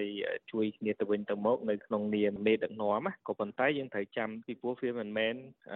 ការពេញចិត្តរបស់ប្រជាពលរដ្ឋនៃប្រទេសទាំងពីរហ្នឹងពេញថឹងទេពីព្រោះការជួយនេះគឺជួយទៅលើមេដឹកនាំពីព្រោះយើងឃើញការទំនាក់ទំនងនៃមេដឹកនាំទាំងពីរហ្នឹងគឺផ្សារភ្ជាប់ជាមួយនឹងគ្នាដោយយកមេ េដឹកនាំធ្វើជាមូលដ្ឋានឆ្អឹងខ្នងដើម្បីបង្ហាញអំពីថាប្រទេសទាំងពីរមានទំនាក់ទំនងល្អមួយគ្នាលោកសីសុជាតិជឿជាក់ថាបើកម្ពុជាមានប្រជាធិបតេយ្យពេញលេញនឹងមានការបោះឆ្នោតមួយប្រកបដោយតម្លាភាពនិងយុត្តិធម៌ហើយមេដឹកនាំនៃប្រទេសទាំងពីរពុំមែនជាមេដឹកនាំសពថ្ងៃនោះទំនាក់ទំនងកម្ពុជាចិននឹងអាចមានការផ្លាស់ប្ដូរនៃសមិទ្ធផលនានាសម្រាប់ពលរដ្ឋនៅក្នុងរូបភាពផ្សេងផ្សេងទៀតអ្នកខ្លំមើលស្ថានភាពសង្គមកម្ពុជារិះគន់ជាបន្តបន្ទាប់ថា កម្ពុជាក្រោមការដឹកនាំរបស់លោកហ៊ុនសែនបានដឹកនាំកាន់តែប្រចាក់ពីកន្លងប្រជាធិបតេយ្យនិងបន្តអនុវត្តនយោបាយលំអៀងទៅរកចិនខ្លាំងអ្នកខ្លំមើលថានៅពេលដែលកម្ពុជាមិនអាចរក្សាបាននូវគោលនយោបាយអព្យាក្រឹតនេះកម្ពុជាអាចប្រឈមនឹងបញ្ហាអស្ថិរភាពនយោបាយឯករាជ្យជាតិនិងខាតបង់ទាំងផលប្រយោជន៍ការទូតសេដ្ឋកិច្ចនិងការទទួលបានជំនួយនានាពីប្រទេសដែលមានប្រជាធិបតេយ្យពិតប្រាកដនាងខ្ញុំសុជីវី With you Azizi Serai ពីរដ្ឋធានី Washington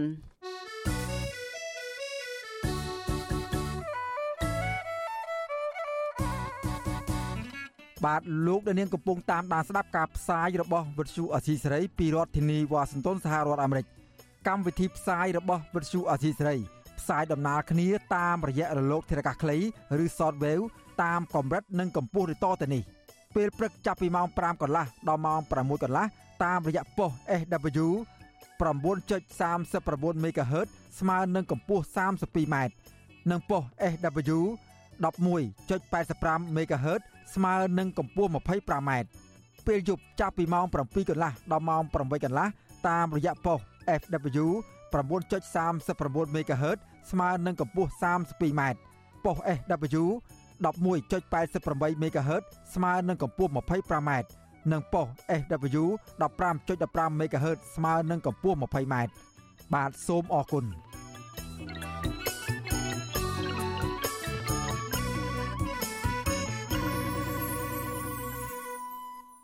បាទលោកអ្នកនាងកញ្ញាជាទីមេត្រីពាក់ព័ន្ធនឹងសេចក្តីរាយការណ៍អំពីការអភិវឌ្ឍសត្វផ្សោតនៅទន្លេមេគង្គឯនោះវិញក្រុមអ្នកអភិរក្សសត្វព្រៃបារម្ភពីការកើនឡើងនៃចំនួនសត្វផ្សោតកម្រជិតផុតពូជនៅទន្លេមេគង្គ ដែលងាប់ជាបន្តបន្ទាប់ចំនួន27ក្បាលហើយក្នុងអំឡុងពេល3ឆ្នាំចុងក្រោយនេះ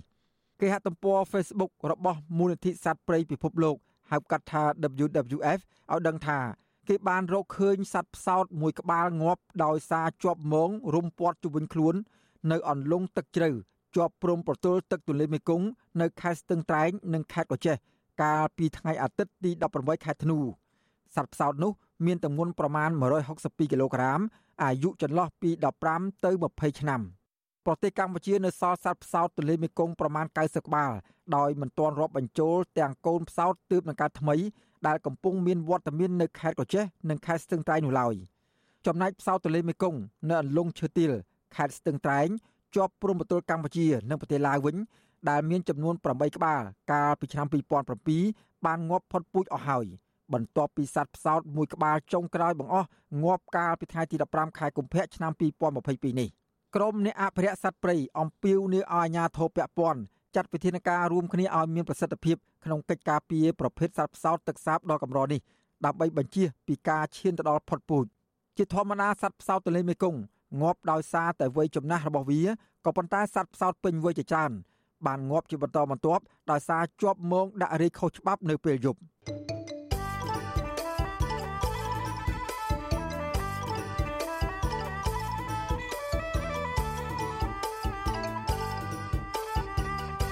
បាទលោកអ្នកនាងកញ្ញាជាទីមេត្រីប្រជាពលរដ្ឋរស់នៅក្នុងខេត្តប្រសេនុមួយចំនួននិងអ្នកខ្លះទៀតបានព្រួយបារម្ភពីផលប៉ះពាល់អំពីការប្រកបរបររស់នៅប្រចាំថ្ងៃដោយសារតែវត្តមាននៃជនជាតិចិនហាក់ថមថយរយៈពេលចុងក្រោយនេះទោះយ៉ាងណាមន្ត្រីសង្គមស៊ីវិលមើលឃើញថាប្រជាពលរដ្ឋអ្នកលក់ដូរតាមចិញ្ចើមថ្នល់ជួបការលំបាកច្រើនព្រោះពួកគាត់មិនបានទទួលកិច្ចគាំពៀពីអាជ្ញាធរមូលដ្ឋាន ហើយពលរដ្ឋខ្លះទៀត ប្រឈមបាត់បង់មុខរបរដោយសារតែជនជាតិចិនមួយចំនួនបានដណ្ដើមទីផ្សារការងាររបស់ពួកគាត់អាជ្ញាធរខេត្តបរសេនុហាងថាជនជាតិចិនមិនបានដណ្ដើមមុខរបរសេដ្ឋកិច្ចក្រៅប្រព័ន្ធរបស់ប្រជាពលរដ្ឋខ្មែរនោះឡើយ អ្នកលក់ដូរតាមដងផ្លូវនៅក្នុងខេត្តបរសេនុមួយចំនួនតអូនត្អែអំពីការប្រកបមុខរបរប្រចាំថ្ងៃដោយសារតែតំបន់ភូមិសាស្ត្រនៅក្នុងខេត្តបរសេនុនៅតំបន់ខ្លះមានភាពស្ងប់ស្ងាត់ស្របពេលដែលអាជ្ញាធរបន្តយុទ្ធនាការចុះឆែកឆេរអាគារមួយចំនួន ដែលសង្ស័យថាមានការជួញដូរមនុស្សនិងក្រោយពេលដែលចិន បានចាក់ចែងយ៉ាងកំហុកបន្ទាប់ពីរដ្ឋាភិបាលបិទល្បែងអនឡាញកាលពីឆ្នាំ2019 ទោះយ៉ាងណាប្រជាពលរដ្ឋមួយចំនួនបានលើកឡើងថាការបិទទីតាំងល្បែងអនឡាញនេះអាចជាសញ្ញាវិជ្ជមានមួយដែលបានកាត់បន្ថយការកើតឡើងនៅបទល្មើសនិងបញ្ហាអសន្តិសុខនានានៅក្នុងខេត្តបរសេនុអ្នកលក់ពោតអាំងរុញតាមប្រទេសក្នុងក្រុងបរសេនុលោកសឿនដុល្លារប្រាប់បទសុអសីសេរីនៅថ្ងៃទី20ធ្នូថាសពថ្ងៃលោកពុំសូវរកចំណូលបានច្រើនដោយគ្រាដំបូងដែលជនជាតិចិនបានសម្រុកមកខេត្តប្រសេនុក្នុងអំឡុងឆ្នាំ2015នោះទេ លោកថាទីក្រុងប្រសេនុបច្ចុប្បន្នមានសភាពស្ងប់ស្ងាត់លើកលែងតែថ្ងៃបុណ្យទានម្ដងម្ដងទើបមានភ្ញៀវច្រើនកុះកក្រៅពីនេះ លោកអះអាងថារបរលក់ពោតអាំងនេះក៏មានជនជាតិចិនមួយចំនួន បើកអាជីវកម្មដែរហើយជនជាតិចិនទាំងនោះក៏កម្រទិញចំណីអាហារប្រភេទនេះពីប្រជាពលរដ្ឋខ្មែរនោះឡើយ ចរស់ស៊ីលក់ដូរដូចដូចជាខ្ញុំជាដើមខ្ញុំលក់តាមលមកដើរលក់មកបានលុយ10000 10000អើវវងាយធម្មតាពីមុនមកគេរកបានចឹងដល់ឥឡូវវារកអត់ទៅបានវាពិបាកចិនក៏ទៅវិញអស់ចឹងតែមុនចិនច្រើននេះយើងលក់គ្រាន់ដាច់ចឹងហ្នឹងនិយាយទៅចិនគេមិនសូវទិញខ្មែរហូបគេទិញតែគ្នាគេគ្នាគេក្នុងម៉ាតក្នុងអីចឹងយើងជាជនលក់បានតែខ្មែរខ្មែរគ្នាឯងខ្មែរគ្នាឯងគេរកលុយបានចឹងគេធ្វើការបានលុយចឹងគេចេះតែហូបទៅបរោះវ័យជាង40ឆ្នាំ មានកូនចំនួន3នាក់និងម្ដាយជរាម្នាក់ក្នុងបន្ទុកគ្រួសារផង លោកសឿនដុល្លារបានឲ្យដឹងថា លោកបានប្រកបមុខរបរជាអ្នកលក់ពោតអាំងនេះ10ឆ្នាំមកហើយលោកឲ្យដឹងទៀតថាពេលក្រុមបសេនុមានសភាពស្ងប់ស្ងាត់ដោយសពថ្ងៃនេះហើយអាជីវកម្មជួនចិត្តចិនមួយចំនួនត្រូវបានផ្អាកផងនោះ ក្នុងមួយថ្ងៃ លោកអាចរកបានប្រាក់ចំណូលពីរបរលក់ពោតអាំងនេះពីចន្លោះជាង100000រៀល ទៅ200,000រៀលក្នុងមួយថ្ងៃដោយចំណូលនេះលោកត្រូវដកដើមទុនចំណាយខ្លះនិងបែងចែកប្រាក់ចំណេញតិចតួចសន្សំទុកសម្រាប់កូនរៀនសូត្រនិងបង់ធនាគារប្រចាំថ្ងៃស្ទើរតែពុំគ្រប់ប្រពន្ធរបស់លោកសឿនដុល្លារក៏មានរទេះដាច់ដលែកមួយទៀតដែរសម្រាប់ប្រកបមុខរបរលក់ពោតអាំងនេះរីឯពលរដ្ឋម្នាក់ទៀតរស់នៅក្នុងខេត្តបរសៃនុលោកអុកសីហាក៏សង្កេតឃើញដែរថា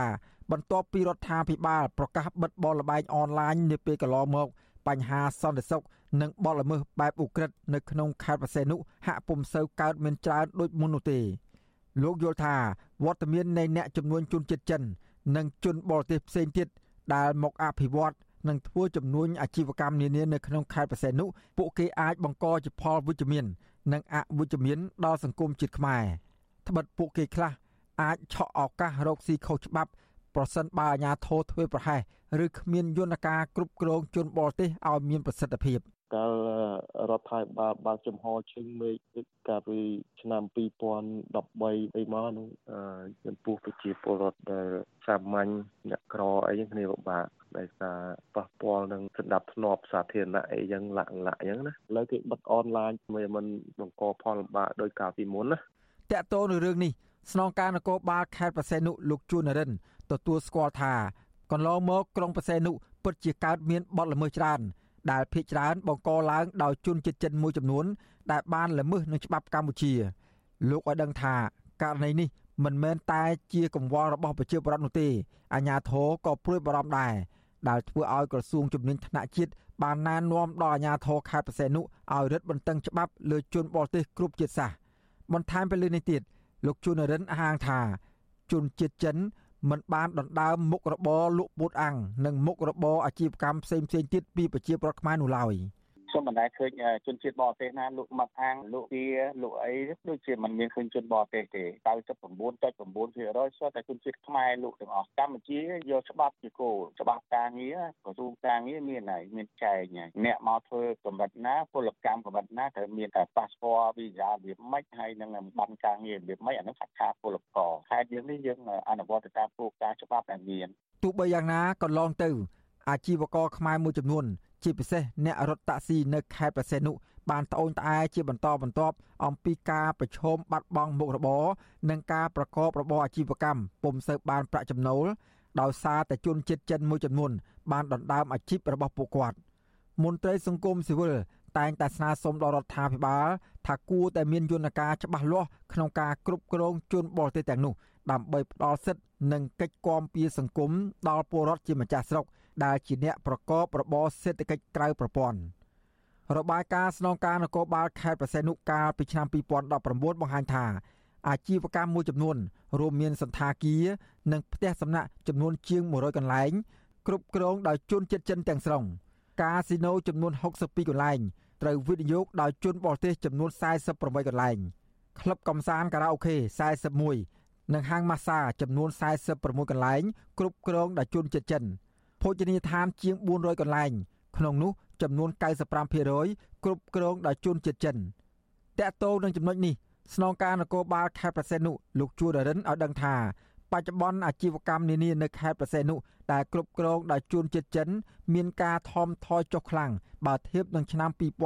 2019ដោយសារពួកគេខ្លះបានផ្អាកមុខរបរនិងខ្លះទៀតបានបិទហាងភោជនីយដ្ឋានក្រោយការរីករាលដាលនៃជំងឺ Covid-19 ជុំវិញរឿងនេះអ្នកសម្របសម្រួលសមាគមការពារសិទ្ធិមនុស្សអាត6ប្រចាំខេត្តបរសេនុអ្នកស្រីជាបសុធារី មានប្រសាសន៍ថា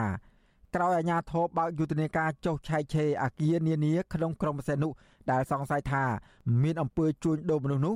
ពីមួយថ្ងៃទៅមួយថ្ងៃខេត្តជាប់មាត់សមុទ្រមួយនេះមានសភាពស្ងប់ស្ងាត់អ្នកស្រីឲ្យដឹងទៀតថាថ្មីត្បិតតំបន់ខ្លះទៀតម្ចាស់អាគារសហគ្រាសបានបើកដំណើរការវិញក្តី ប៉ុន្តែពលរដ្ឋអ្នកលក់ដូរតាមដងផ្លូវនៅជួបការលំបាកច្រើន ដោយសារតែអាជ្ញាធរបានរឹតបន្តឹងច្បាប់ អ្នករត់ម៉ូតូដប់ឬក៏រត់ផាសអេតអីហ្នឹងគាត់មានការស្អូនដែរដែរហើយអាអ្នកលក់ដូរកំពេចកំប៉ុកនៅ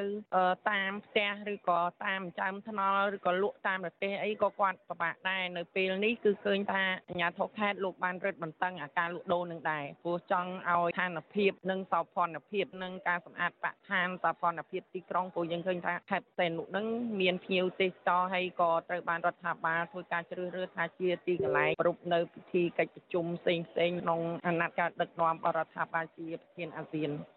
របាយការណ៍របស់នគរបាលជាតិនៃក្រសួងមហាផ្ទៃបានបង្ហាញថាគិតត្រឹមចុងឆ្នាំ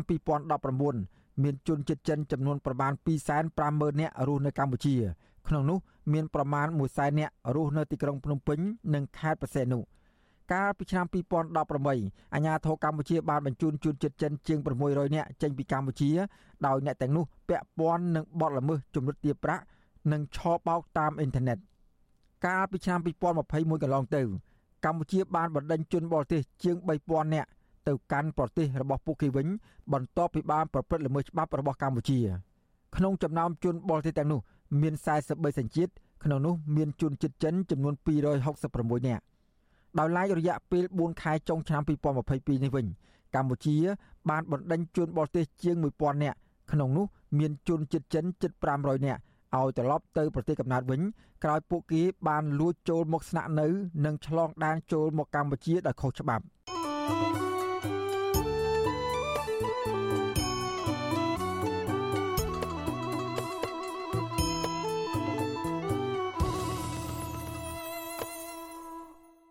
បាទលោកនាងកញ្ញាជាទីមេត្រី ការផ្សាយរបស់វិទ្យុអាស៊ីសេរីសម្រាប់ព្រឹកនេះចប់តែប៉ុណ្ណេះ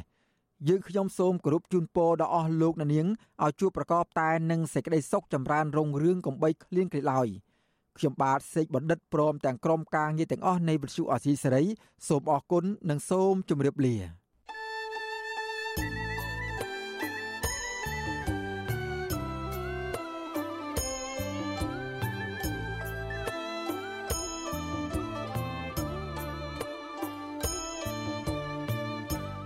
វិទ្យុអេស៊ីសេរីផ្សាយតាមរលកធារកាសខ្លីឬ shortwave តាមកម្រិតនិងកម្ពស់ដូចតទៅនេះពេលព្រឹកចាប់ពីម៉ោង5កន្លះដល់ម៉ោង6កន្លះតាមរយៈប៉ុស SW 9.39 MHz ស្មើនឹងកម្ពស់ 32m និងប៉ុស SW 11.85 MHz ស្មើនឹងកម្ពស់ 25m ពេលយប់ចាប់ពីម៉ោង7កន្លះដល់ម៉ោង8កន្លះតាមរយៈប៉ុស SW 9.39 MHz ស្មើនឹងកម្ពស់ 32m ប៉ុស SW 11.88 MHz ស្មើនឹងកម្ពស់ 25m និងប៉ុស SW 15.15 MHz ស្មើនឹងកម្ពស់ 20m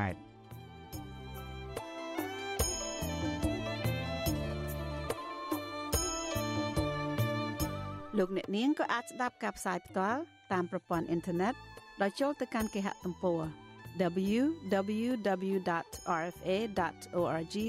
ខ្មែរក្រៅពីនេះលោកអ្នកនាងក៏អាចអាននិងទស្សនាព័ត៌មានវិទ្យុអេស៊ីសរ៉ៃលើទូរស័ព្ទដៃរបស់លោកអ្នកផ្ទាល់សូមលោកអ្នកនាង